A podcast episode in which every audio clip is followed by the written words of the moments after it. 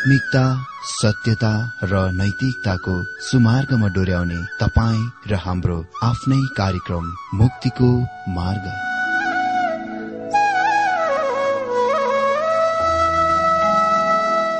आदरणीय श्रोता यस मुक्तिको मार्ग कार्यक्रममा हार्दिक स्वागत छ। आशा छ यस आत्मिक कार्यक्रमद्वारा जीवनमा आत्मिक आशिष अलौकिक शान्ति र आनन्द प्राप्त गर्नुहुनेछ। र जीवनमा धन्य अनुभव गर्नुहुनेछ। आउनुहोस् श्रोता मन र आत्माको तयारीको लागि यो मिठो अनि मधुर भजन गीत सुनौ। सकिरहेको छु बाँच्न। मात्र के छ र यहाँ साँच्न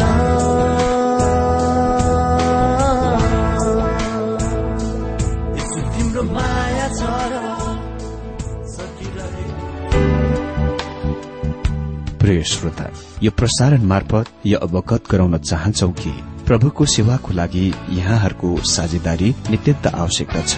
यहाँहरूले प्रार्थनाको साथसाथै आर्थिक सहायता गर्न अनुरोध गर्दछौ।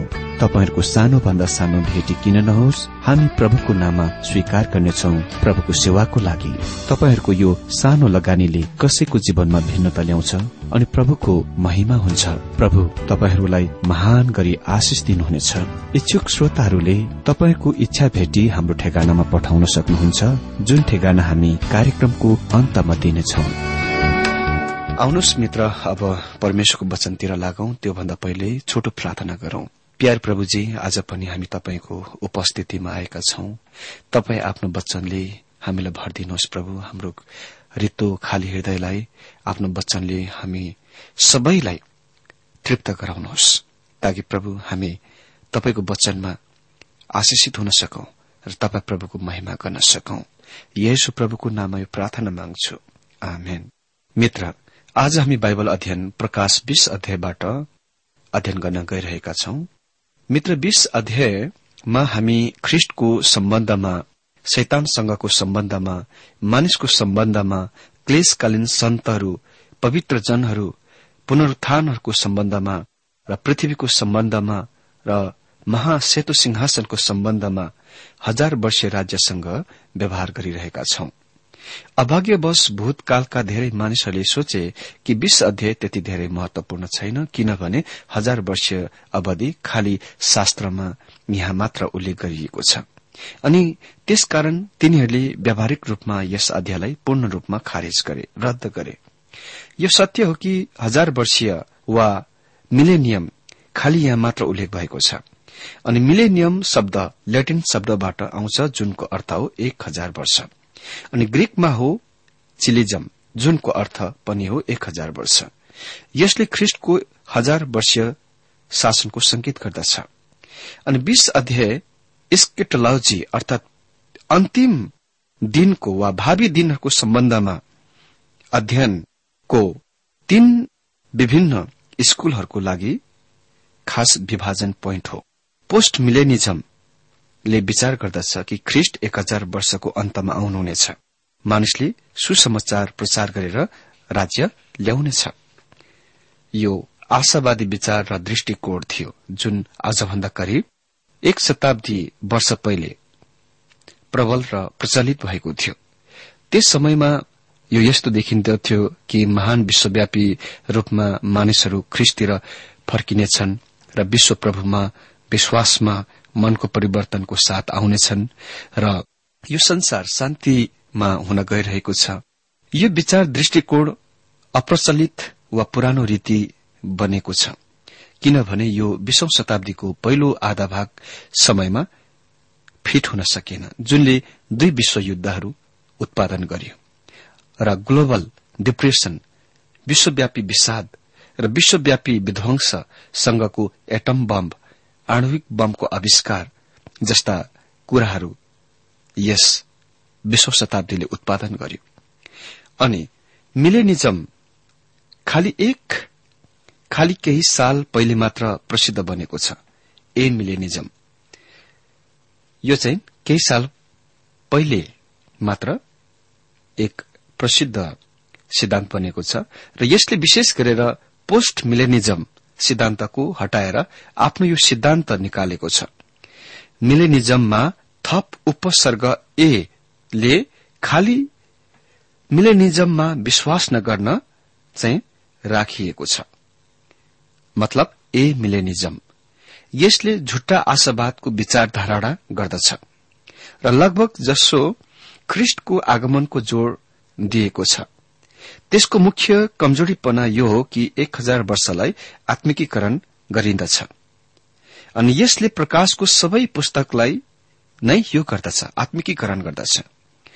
यो मिलेनियम वा हजार वर्षलाई यो वर्तमान युगमा फिट गर्दछ। अनि डाक्टर बीबी वार्डफिल्डको व्याख्या अर्थ खुलाई यो हो कि यो हजार वर्ष मिलेनियम स्वर्गीयमा चलिरहेको वा भइरहेको छ। जबकि क्लेश यहाँ पृथ्वीमा चलिरहेको छ। मेरो विश्वास यो हो कि स्वर्गीयमा तिनीहरूसँग मिलेनियम वा हजार वर्ष छ। खालि एक हजार वर्षको लागि मात्र होइन तर अनन्ततादेखि अनन्ततासम्म सनातनदेखि सनातनसम्म। धेरैजसो ए मिलेनिस्टहरू वा यस विचारधाराका सिद्धान्तका मानिसहरूले वर्तमान युगमा यस मिलेनियम वा हजार वर्षलाई फिट गर्दछन्। अनि प्रकाशको पुस्तकमा रेकर्ड गरिएका सम्पूर्ण घटनाहरूलाई घर निर्माणमा टुक्रा टाक्री काठ र ढुङ्गाहरू फिट गरे जस्तै इतिहासका तथ्यहरूमा टपक टुपुक गरेर फिट गर्दछन्। अनि अर्कोतिर ठिक विपरीतमा प्रिय मिलेनिजम वा यस सिद्धान्तको मान्नेवालाहरूले चाहिँ नाम मात्रको महत्वमा वा मूल पाठको प्रसंग सन्दर्भ र पृष्ठभूमिको विचार गरेर यसको लिन्छन् जस्तो कि यसले प्रकाशको सबै पुस्तकको गर्दछ। जबसम्म अन्य कुनै कुरामा प्रसंगले स्पष्ट रूपमा संकेत गरेको हुँदैन यसले यहाँ प्रकाशको पुस्तकको हरेक कुरालाई अक्षरस रूपमा साँच्चीकै शाब्दिक रूपमा लागूको लिँदछ उपयोगको वा अर्थको लिँदछ। म उदाहरणको पाठ गर्न चाहन्छु जुन हामीले प्रकाश उन्नाइस अध्यायबाट दिएथ्यौं जहाँ यसले भन्छ जब प्रभु येशु आउनुहुन्छ उहाँको मुखबाट एउटा लाग्ने तरवार निस्कन्छ। कि यसको मतलब साँच्चीकै तरवार यसको मुखबाट निस्कनेछ? म विश्वास गर्दछु कि शास्त्रले यो एकदम स्पष्ट पार्दछ तरवार परमेश्वरको वचन हो। पाउले लेख्छन् एपिसी छको सत्रमा आत्माको तरवार ल्याऊ जुन परमेश्वरको वचन हो। त्यस प्रकारको निर्देशनहरूसँग म देख्दिन कि युहनाले के को बारेमा कुरा गरिरहेका छन्। सो बारेमा कसरी हामी युहनालाई अबुझाइ गर्न सक्छौ? तर तपाईँसँग आफ्नो व्याख्या वा अर्थ खुलाइको लागि शास्त्रीय करणहरू वा शास्त्रीय आधारहरू हुनै पर्छ वा शास्त्रीय कारणहरू आधारहरू हुनै पर्छ। तपाईँले आफैद्वारा चुनेको कुनै आधारमा शास्त्रको आत्मिकीकरण गर्न सक्नुहुन्न। यद्यपि यो वर्तमान रीति तरिका र आजको प्रसिद्ध जनप्रिय विधि भए तापनि प्रिमिलेनिस्ट इन्टरप्रिटेशन वा यस सिद्धान्तको अर्थ खुलाइमा व्याख्यामा एक हजार वर्षलाई एक हजार वर्षको रूपमा लिइएको छ र ख्रिस्ट त्यस हजार वर्षको आरम्भमा आउनुहुन्छ। अनि बीस अध्यायले यो स्पष्ट पार्दछ ख्रिस्ट नयन्जेलसम्म त्यहाँ कुनै मिलेनियम वा हजार वर्ष हुने छैन। यो अध्यायको पहिलो नौ पदहरूमा हामीसँग हजार वर्ष शब्द छपल्ट दोहोरिएको छ। अनि त्यस किसिमको यसमाथि धेरै जोड़ दिने कुराले निश्चय नै यो सूचित गर्दछ कि यो शब्द महत्वपूर्ण हुनै पर्छ। प्राचीन चर्चले कलिसियाले ख्रिष्टको अक्षरस साँच्चीकै एक हजार वर्षमा विश्वास गर्थे। अनि जसले यस विचारको सिद्धान्तको अस्वीकार गर्थे तिनीहरूलाई हेरेसी वा अर्कै झुट मतको धर्ममा लाग्ने झुट धर्म वा शिक्षामा लाग्ने भनी विचार गरिन्दथे। पछिबाट त्यहाँ यस्तो शिक्षा आयो कि एक हजार वर्ष चर्चद्वारा स्थापित गरिनेछ। चर्चले एकदमै धेरै सिद्ध विश्वको उत्पादन गर्नेछ अनि त्यसपछि यसो आउनुहुन्छ र हरेक कुरा सुव्यवस्थित रूपमा भएको भेटाउनुहुनेछ। तर यही नै यही तरिकामा शास्त्रको यो खण्ड ले पेश गर्दैन। उहाँ दण्डमा आइरहनु भएको छ अनि यदि हरेक कुरा सुव्यवस्थित रूपमा भए विद्रोहको अन्त गर्न र न्याय गर्न र युद्ध बनाइरहनु पर्ने कुनै आवश्यक थिएन। मित्र यो त्यति लामो समय भएको छैन कि वास्तवमा मानिसहरूले विश्वास गर्न लागेको कि चर्चले नै राज्यको यो पृथ्वीमा बनाउन गइरहेको छ। पछाडि अठार सौ तिरासी ईस्वी सम्बन्धमा एक टीका टिप्पणीकार जस्टिन ए स्मिथले यो कथन बनाएथे तर अर्कोतिर ओ कस्तो महान शक्ति आजको क्रिस्टियानिटीसँग छ? के यो मनमा सोच्न सकिने वा कल्पना गर्न सकिन्दछ कि यो सफलताको संकेत दिने समय वा शुभ शक्ति जुन वेग गतिले पूरा पृथ्वीभरि बढ़िरहेको छ र ढाकिरहेको छ मूर्तामा घट्दै वा कम हुँदै जान सक्छ।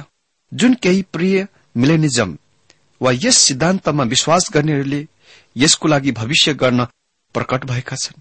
अमित्र जो हामी प्रिय मिलनेस्टहरू वा यस सिद्धान्तमा विश्वास गर्नेहरूलाई पछाडि अठार सौ तिरासी इस्वी सम्मतिर निराशवादीका झुनहरू भनिँदथे। किनभने हामीले अगमबाड़ी गरिरहेका हुन्छौ कि संसार झन प्रतिदिन खराब खराब भन्दा खराब हुँदै गइरहेको छ र चर्चमा सत्य विश्वास त्याग हुनेछ भनेर। अनि यो मानिस जस्टिन ए स्मिथले यसको विश्वास गरेनन् उसले आफ्नो कथनलाई निरन्तर जारी राख्छन्। यो भनिन्दछ कि पच्चीस वर्षमा यदि प्रगति वृद्धिको वर्तमान गति रफ्तार निरन्तर जारी रहे भारत पूरै क्रिस्चियन बन्नेछ जस्तो आज ग्रेट ब्रिटेन छ। चीनमा तीन करोड़ क्रिस्चियनहरू छन् अनि जापान पूर्ण रूपमा क्रिस्चियन बनेछ जस्तो कि आज अमेरिका छ। अनि तिनीहरूले हामीलाई भन्ने पुराना प्रणाली पद्धति क्रिस्चियन प्रभावद्वारा पूरा वार पार अनेक छिद्र गरिएको छ।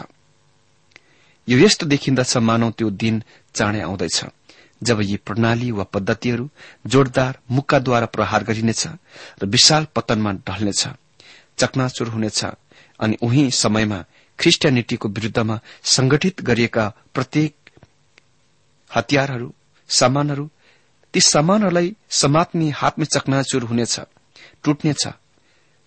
पहिले प्रभुको हातले उहाँलाई विजय दिलाउनु भएको छ। यो चाहिँ अठार सौ तिरासीतिरको जस्टिन ए. स्मिथको कथन हो। तर उदाहरणको लागि आज ग्रेट ब्रिटेनमा हेर्नुहोस्। ख्रिस्टियन विश्वासीको संख्याको तुलनामा भारतको भन्दा खराब स्थिति छ। त्यहाँ भन्नु नै पर्दा अति नै कम ख्रिस्टियन विश्वासीहरू छन्। ती दिनहरूमा तिनीहरू साहसपूर्वक भन्ने शक्ति वा कुरा गर्थे बोल्थे तर आज तिनीहरू त्यस प्रकारले बोल्न सक्दैनन्। एउटा अंग्रेजी पुस्तक द प्रब्लम अफ इभिल अर्थात दुष्टको समस्या नामक पुस्तकमा लेखकले यो कथन बनाएथे युरोपको सभ्यता जुनले आफ्नो सत्य नाम ख्रिस्टियन सभ्यताबाट पाएको छ त्यसले देख्न सकिने गरी वा प्रत्यक्ष रूपमा विश्वको विजय बनाइरहेको छ। मतलब यसले चाँडै नै विजय गर्नेछ। यसमा कसैले सन्देह गर्दैन। अ तर मित्र आज त्यसमा सन्देह गर्ने धेरै छन्। र स्वाभाविक पनि हो वास्तवमा युरोपियन सभ्यता भनिने सभ्यता वा क्रिस्चियन सभ्यता हरेक दिन झन निच निच उधो उधोतिर लागिरहेको छ गिरिरहेको छ पतन भइरहेको छ र अधिकांश प्रायजसो पहिले नै लोप भइसकेको छ। यी मानिसहरूले प्रकाशको बीस अध्यायलाई नगण्य अवमूल्यन गरे। म डाक्टर बीबी वारफिल्डलाई बीसौं शताब्दीको महान धर्म विद्वानको रूपमा विचार गर्दछु र उसकै पद्धति र प्रणाली मुनि मैले शिक्षा दीक्षा पाएको थिएँ। तर उसले भन्छन् यहाँ पृथ्वीमा हजार वर्षको त्यस्तो कुनै युगको संकेत छैन। उसले पुरानो नियमका सम्पूर्ण कुराहरूमा ध्यान दिएनन्। जहाँ परमेश्वरले करार बनाउनु भएको थियो कि उहाँले पृथ्वीमा दाउदको वंशमा एकजनाद्वारा यो राज्य स्थापन गर्नुहुनेछ। डाक्टर रोथेले धेरै साल पहिले भनेथे हाम्रा चाबीले खोल्दैन ठिक सही चाबी हराएको छ। जबसम्म हामी यसको पाउँदैनौ हाम्रो व्याख्या कहिले पनि सफल हुने छैन। बाइबलीय विचारहरूको प्रणाली हाम्रोको जस्तो होइन। प्रेमिलिनियल पुस्तक वा यस सिद्धान्त सम्बन्धीको पुस्तक पढेका र यसको बारेमा राम्रो ज्ञान भएका एकजना जवान विद्यार्थीसँग कुराकानीको सम्बन्धमा डाक्टर आर्यल ड्याम्ने जो जान पहिचान एक प्रसिद्ध थियोलोजियन धर्म विज्ञानको विद्वान थिए। उसले भने सम्भवत जवान केटा तिमी सही बोलिरहेका छौ होला। मैले कहिले पनि त्यसमा र त्यस विषयमा हेरेको छैन। मित्र उनी महान शास्त्रको विद्वान पण्डित थिए तर पनि उसले इमान्दारपूर्वक स्वीकार गरिरहेका थिए कि उसले कहिले पनि भविष्यवाणीको अध्ययन त्यति धेरै गरेका थिएनन्। अनि अर्को महान शास्त्रको पण्डित विद्वान थ्योलोजियन स्वर्गीय डाक्टर चार्लेसले शास्त्र विज्ञान धर्म विज्ञानमा दुई अति नै एकदम ठूलो भारी वृहत ग्रन्थ लेखेथे उसले पनि खुलाम स्पष्ट रूपमा भने कि अन्तिम भावी दिनको अध्ययन विज्ञान वा स्कटोलोजी उसको पुस्तकमा थिएन। उसले खालि त्यस अभिव्यक्तको मात्र प्रयोग गरेनन्। अनि उसले भने दुवै पुरानो नियम र नयाँ नियमको शास्त्रको सम्पूर्ण भविष्यवाणी शिक्षाको सर्वेक्षण नलिकन। यस विषयको पर्याप्त रूपमा छलफल विचार विमर्श गर्न सकिँदैन। यो काम कसैद्वारा पनि सन्तोषजनक रूपमा पूरा गर्न सकिँदैन जसले भविष्यवाणीहरूको विशेष रूपमा अध्ययन गरेका हुँदैन। लेखकसँग यस कामको लागि त्यस्ता योग्यताहरू नभएको कुरा थाहा गर्दै यस विषयसँग सम्बन्धित शास्त्रीय भविष्यवाणीहरूको अर्थ खुलाउने वा व्याख्या गरेको विभिन्न योजनाहरूका ऐतिहासिक सर्वेक्षणतिर धेरै मात्रामा आफैलाई सीमित रहन इरादा गर्दछन्। आज त्यो सबै कुरा बदलिएको छ। आज त्यहाँ भविष्यवाणीमा उत्तेजनापूर्ण रूचि जागृत भएको देखिन्छ। तर म कामना गर्दछु कि त्यहाँ धेरैजना डाक्टर होड्गे जस्तै इमान्दारी भए असल हुनेछ र जसले भनेथ्यो मैले वास्तवमा यस विषयको अध्ययन गरेको छैन जुन मैले अध्ययन गर्नुपर्ने हो। अभाग्यवश धेरै मानिसहरू भविष्यवाणीको विषयमा बोलिरहेका छन् जसले वास्तवमा यसको अध्ययन गरेका छैनन्। यो अति नै धेरै महत्वपूर्ण र मुख्य विषय हो। महान विद्वान डाक्टर मेग्गीले भनिरहेका थिए यसको लागि मसँग पनि विशेष योग्यताहरू छ भनी म दावी गर्दिन। यद्यपि मैले यसको विषयमा चालिस वर्षसम्म गहिरेर अध्ययन गरे र यसमा अति नै धेरै ध्यान र मनन दिए। तर म सोच्दछु कि यो आज खतरनाक कुरा छ कि धेरै मानिसहरू चर्चको स्वर्गीय यात्राको लागि चर्चको ऱ्याप्चरको लागि मितिहरू तोक्ने मिति सेटिङ गर्ने काममा यस विषयतिर किनारा लागिरहेका छन्। तिनीहरू यो भन्ने कोशिश गर्छन् कि चर्चको स्वर्गीय यात्रा कहिले हुनेछ कुन दिनमा कुन समयमा कुन घड़ीमा कुन मिनटमा? म विश्वास गर्दछु कि स्वर्गीय यात्रा पूर्ण रूपमा मितिरहित मिति नभएको र नदिएको घटना हो। यो भोलि हुन सक्छ भने यो भोलि नहुन पनि सक्ला। हामीले यो कुराको थाहा पाउन कोशिश गर्नुपर्छ कि हामी त्यस अवधिमा रहिरहेका छौं जुनमा हामीलाई यसको मिति डेटहरूको दिइएको छैन। तर हामी स्टेजको मंचको सेटिङ वा तयारीहरूको देखिरहेका छौं। मलाई थाहा छैन कि भविष्यको लागि परमेश्वरको मनमा दिमागमा के कुरा छ तर म जान्दछु कि उहाँसँग निश्चय नै हरेक कुराहरू पोजिसनमा छ। यो प्रत्यक्ष छ कि म प्रिय मिलेनियल यस दृष्टिकोणको विश्वास गर्ने र चर्चको स्वर्ग यात्रापछि मात्र महाक्लेश अवधि शुरू हुन्छ भन्ने विचार र विश्वास गर्ने व्यक्ति हुँ। अनि मलाई लाग्छ यो निश्चय नै सही विचार र दृष्टिकोण हो। सर्वप्रथममा शैतानलाई पृथ्वीको सतहबाट नटाइन्जेलसम्म त्यहाँ कुनै मिलेनियम वा हजार वर्ष राज्य हुने छैन। तपाईँले जबसम्म शैतान स्वतन्त्र रूपमा यस संसारमा सक्रिय काम गरिरहेको पाउनुहुन्छ तपाईँले आदर्श देश आदर्श राज्य पाउन सक्नुहुन्न। दोस्रो स्थानमा पापको श्राप हजार वर्षीय राज्य स्थापन हुन सक्नुभन्दा पहिले भौतिक पृथ्वीबाट हटाइनु पर्दछ। शास्त्रले भविष्यवाणी गर्दछ कि उजाड स्थान मरूभूमि गुलाब जस्तै फक्रनेछ। यदि तपाईँले मरुस्थलमा जानु भए देख्नु भए त्यो कहीँ पनि गुलाब जस्तै फुलेको फक्रेको देख्नुहुन्न। पापको श्राप अहिलेसम्म त्यो पृथ्वीबाट हटाइएको छैन। तेस्रो स्थानमा पुरानो नियमका सन्तहरूको पुनरुत्थानले हजार वर्षको आरम्भमा स्थान लिनै पर्छ।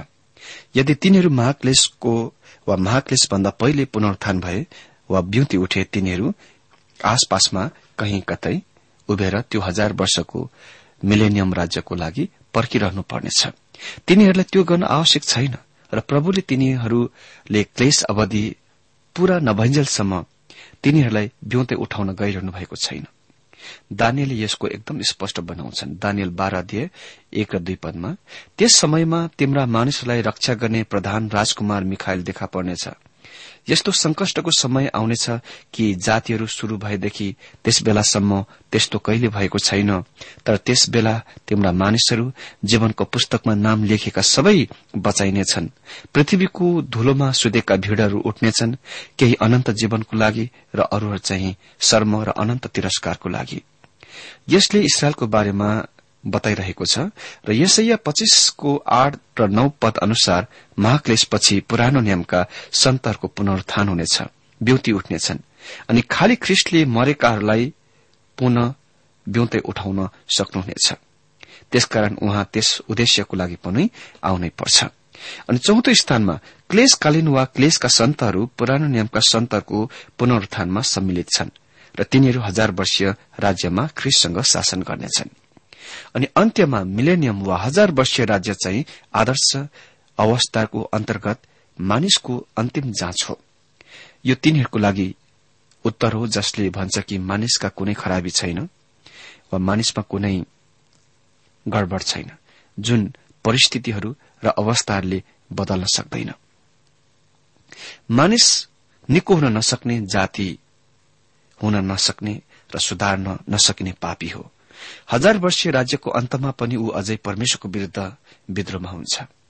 मानव हृदयमा विद्रोह र मानिसको पतित भ्रष्ट स्वभाव कुनै मानिसहरूको लागि बुझ्न एकदम असम्भव छ। यदि तपाईँ र तपाईँ र मैले हामी आफैलाई देख्छौ भने जस्तो कि जसरी परमेश्वर हामीलाई देख्नुहुन्छ हामी आफै स्वयं कति पनि उभिन सक्दैनथ्यौं। तर हामी सोच्दछौ कि हामी अति नै धेरै असल छौं र हामी हाम्रा मानिस अति नै असल मानिसहरू हौ भनेर। हजार वर्षीय राज्य अनन्त राज्यको आरम्भ भन्दा पहिले चाहिँ अन्तिम जाँच हो। र यो हजार वर्षीय युग चाहिँ यस प्रार्थनाको उत्तर हो तपाईँको राज्य आओस्। प्रभुको प्रार्थनामा हामी भन्छौं स्वर्गीयमा जस्तै तपाईँको राज्य पृथ्वीमा आओस्। त्यो नै राज्य परमेश्वर यो पृथ्वीमा स्थापन गर्न गइरहनु भएको छ अनि यसलाई मिलिनियम वा हजार वर्षीय राज्य भनिएको छ। अनि यो नै राज्यको दोस्रो समय सातको बाह्रदेखि सत्र अनि तेइस अध्ययको पाँच पदमा दाउदलाई प्रतिज्ञा गरिएको थियो। अनि भजन संग्रह उनानब्बे चौतिसदेखि सैतिस पद अनुसार यसको स्थापनको सम्बन्धमा शपथ लिनुभयो र यो राज्यको भजन संग्रहमा र भविष्यवाणीहरूमा भविष्यवाणी गरिएको छ। सबै भविष्य वक्ताहरूले यो राज्यको बारेमा बोलेथे अनि धेरै शास्त्रहरूले धर्मतन्त्र राज्यको बारेमा बताउँदछ जुन पुरानो नियममा सम्पूर्ण भविष्य वक्ताहरूको महान विषय थियो। यो नै राज्य धर्म वा ईश्वरतन्त्र राज्य यो पृथ्वीमाथि आइरहेको छ। अमित्र हामी आज बीस अध्याय एकदेखि तीन पदसम्मबाट वचन देख्छौ अनि यहाँ हामी मुख्य विषय देख्छौ शैतानलाई एक हजार वर्षसम्म कैद गरिन्दछ। अध्याय एकदेखि तीन पदमा यस प्रकार लेखिएको छ। अनि मैले एउटा स्वर्गीय दूतलाई स्वर्गीयबाट ओर्लिरहेको देखे जसको हातमा अथा कुण्डको चाबी र एउटा ठूलो साङ्लो थियो। अनि तिनले त्यस अजिङ्गालाई त्यस पुरानो साँपलाई पक्रे जो डियाबोलोस र शैतान हो अनि त्यसलाई हजार वर्षको लागि बाँधे। अनि त्यसलाई अथा कुण्डमा फ्याँकिदिए र त्यसलाई थुनिदिए अनि हजार वर्ष पूरा नहुन्जेल त्यसले अब उसो जाति जातिहरूलाई धोका नदियोस् भनेर तिनले त्यसमाथि छाप लगाइदिए। अनि यी कुराहरूपछि त्यो थोरै समयको लागि छोडिनु पर्छ तपाईँले ध्यान दिनुभयो होला कि एक हजार वर्ष दुईपल्ट पद एकदेखि तीन पदमा उल्लेख भएको छ। पूरा बीस अध्यायमा यो एक हजार वर्ष छ पल्ट उल्लेख गरिएको छ। यो सत्य हो कि हजार वर्ष मिलेनियम खालि यस अध्यायमा मात्र उल्लेख गरिएको छ तर परमेश्वरले यसको छ पल्ट उल्लेख गर्नुहुन्छ। उहाँले कतिपल्ट त्यस कुराको त्यो पूरा हुनभन्दा पहिले भन्नुपर्नेछ त। उहाँले यसको अरू केही ती कुराहरूभन्दा धेरै उल्लेख गर्नुहुन्छ जुन मानिसहरू बढ़ी जोड़ दिन्छन् र सोच्छन् कि तिनीहरू एकदमै महत्वपूर्णका कुरा छन्। कारण चाहिँ तिनीहरू एक वा दुईपल्ट शास्त्रमा उल्लेख भएका छन्। छ पल्ट एक हजार वर्ष उल्लेख भएको छ यहाँ। अनि यहाँ यो शैतानसँगको सम्बन्धमा छ। त्यहाँ केही टिप्पणी टीकाकारहरू छन् जसले यो खण्डलाई हजार वर्षीय राज्यबाट अलग छुट्याउन चाहन्छन् र क्रोधको दिनको अन्तको टुंगिएको दृश्यको रूपमा यसलाई वर्गीकरण गर्छ। यस विचार दृष्टिकोणले शैतानको हटाईमा पृथ्वीमा हुने कटु सुस्पष्ट भिन्नताबाट किनार लिन्छ। त्यसको कैद र पृथ्वीबाटको पूर्ण अनुपस्थितले अवस्थाहरू स्थितिहरू अन्धकारदेखि ज्योतितिर बदलिन्छन्। ऊ यो युगको देव हो। ऊ आकाशको शक्तिका राजकुमार हो र संसारमा उसको शक्ति र प्रभाव अति ठूलो छ। कुनै कम्प्युटरको हिसाबदेखि अझ पर। उसको हटाईले हजार वर्षीय राज्यको लागि बाटो बनाउँछ किनकि त्यसलाई स्वतन्त्रै छोडेर त्यहाँ कुनै हजार वर्ष राज्य आउन सक्दैन हुन सक्दैन। त्यसकारण हामी देख्छौ कि हजार वर्षसँग शैतानको सम्बन्ध यो हो कि उसलाई यस हजार वर्षीय राज्य आरम्भ हुन भन्दा पहिले पृथ्वीको दृश्यबाट हटाइनै पर्छ। र मानिसहरू यो पृथ्वीमा शान्ति ल्याउने सम्बन्धमा समृद्धता ल्याउने बारेमा र यस्ता तमाम किसिमका कुराहरू गर्दछन्। विश्व प्रणाली अन्तिममा ख्रिस्ट विरोधीतिर लाग्नेछ र उसले शान्ति र समृद्धताको कामहरू पूरा गर्न सक्ने छैन। र यद्यपि केही समयसम्म यस्तो देखिनेछ कि त्यसले यो गर्न सक्नेछ। किनकि छोटो समयमा त्यसले यस्ता असल कामहरू पनि गर्नेछ। तर जबसम्म शैतान यो संसारमा रहन्छ तपाई आदर्श राज्य यहाँ पाउन सक्नुहुन्न। त्यसलाई स्वतन्त्र छोडिएको अवस्थामा तपाई कति पनि आदर्श शान्तिको स्थिति पाउन सक्नुहुन्न। एउटा स्वर्गीय दूतले त्यस अजिङ्गरलाई पक्रे शैतानका विशाल शक्ति घटाइएको छ किनकि साधारण स्वर्गीय दूत उसलाई पक्रने जेलर भएको छ र कैदमा हाले। अथा कुण्ड यो चाहिँ अगाध खाँदो यो आगोको तलाउ होइन झील होइन जुन हामी पद दशमा देख्नेछौ। अनि यी कुरा पछि त्यो थोरै समयको लागि छोडिनुपर्छ। मित्र यो शास्त्रको एक अनुमान लाउन नसकिने कथन हो। किन परमेश्वरले उसलाई एकपल्ट खाडलमा अगाध खानमा बाँधिसक्नु भएपछि फेरि सैतानलाई खोल्ने? डाक्टर लेविस स्प्रे च्याफरको उत्तर यो हो।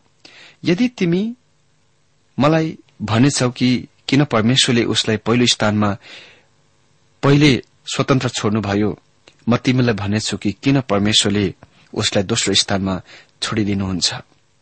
किन परमेश्वरले उसलाई स्वतन्त्र गरी छोड्नुभयो? यसमा परमेश्वरसँग महान उद्देश्य छ। यो दुष्टको महान समस्या हो। किन परमेश्वरले यसको अनुमति दिनुभयो?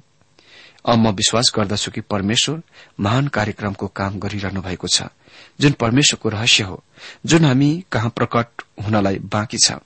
यो कुनै दिन प्रकट हुन गइरहेको छ अनि उहाँले अहिले हामीलाई गर्नलाई भनिरहनु भएको कुरा नै खालि उहाँसँग विश्वासद्वारा हेर्नु हो। अनि हामीले परमेश्वरलाई विश्वास गर्नु भरोसा गर्नु र यो कुरा थाहा पाउन आवश्यक छ कि उहाँ जे गरिरहनु भएको छ असल गरिरहनु भएको छ। मेरो बाल्यकालको याद आयो जब म र मेरो पिता एउटा नदीमा भएर तरिरहेका थियौं र नदी गइरहेको कारण म धेरै डराएथे र रोन लागे।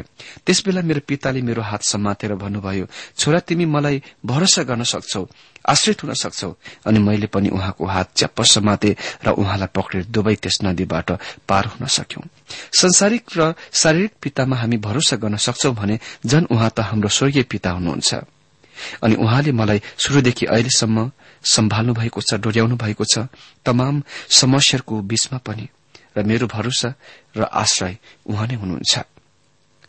हा मित्र परमेश्वरले एक हजार वर्षको लागि सैतालाई कैद गर्नुभयो। किनभने त्यस बेगर त्यहाँ यो हजार वर्षीय आदर्श शान्तिको राज्य हुन सक्दैन।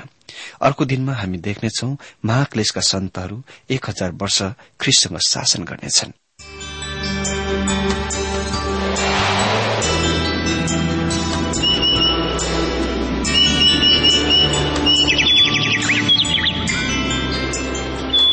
प्रिय श्रोता अहिले भर्खरै तपाईँले टीडब्ल्यूआर नेपालद्वारा संचालित आत्मिक कार्यक्रम मुक्तिको मार्ग सुनिरहनु भएको थियो। श्रोता आजको यो कार्यक्रम सुनेर तपाईँलाई कस्तो लाग्यो? यदि यो कार्यक्रम सुनेर मनमा कुनै खुल्दुली वा कुनै प्रतिक्रिया अर्थात सुझावहरू छन् भने हामीलाई पत्रद्वारा लेख्न सक्नुहुनेछ।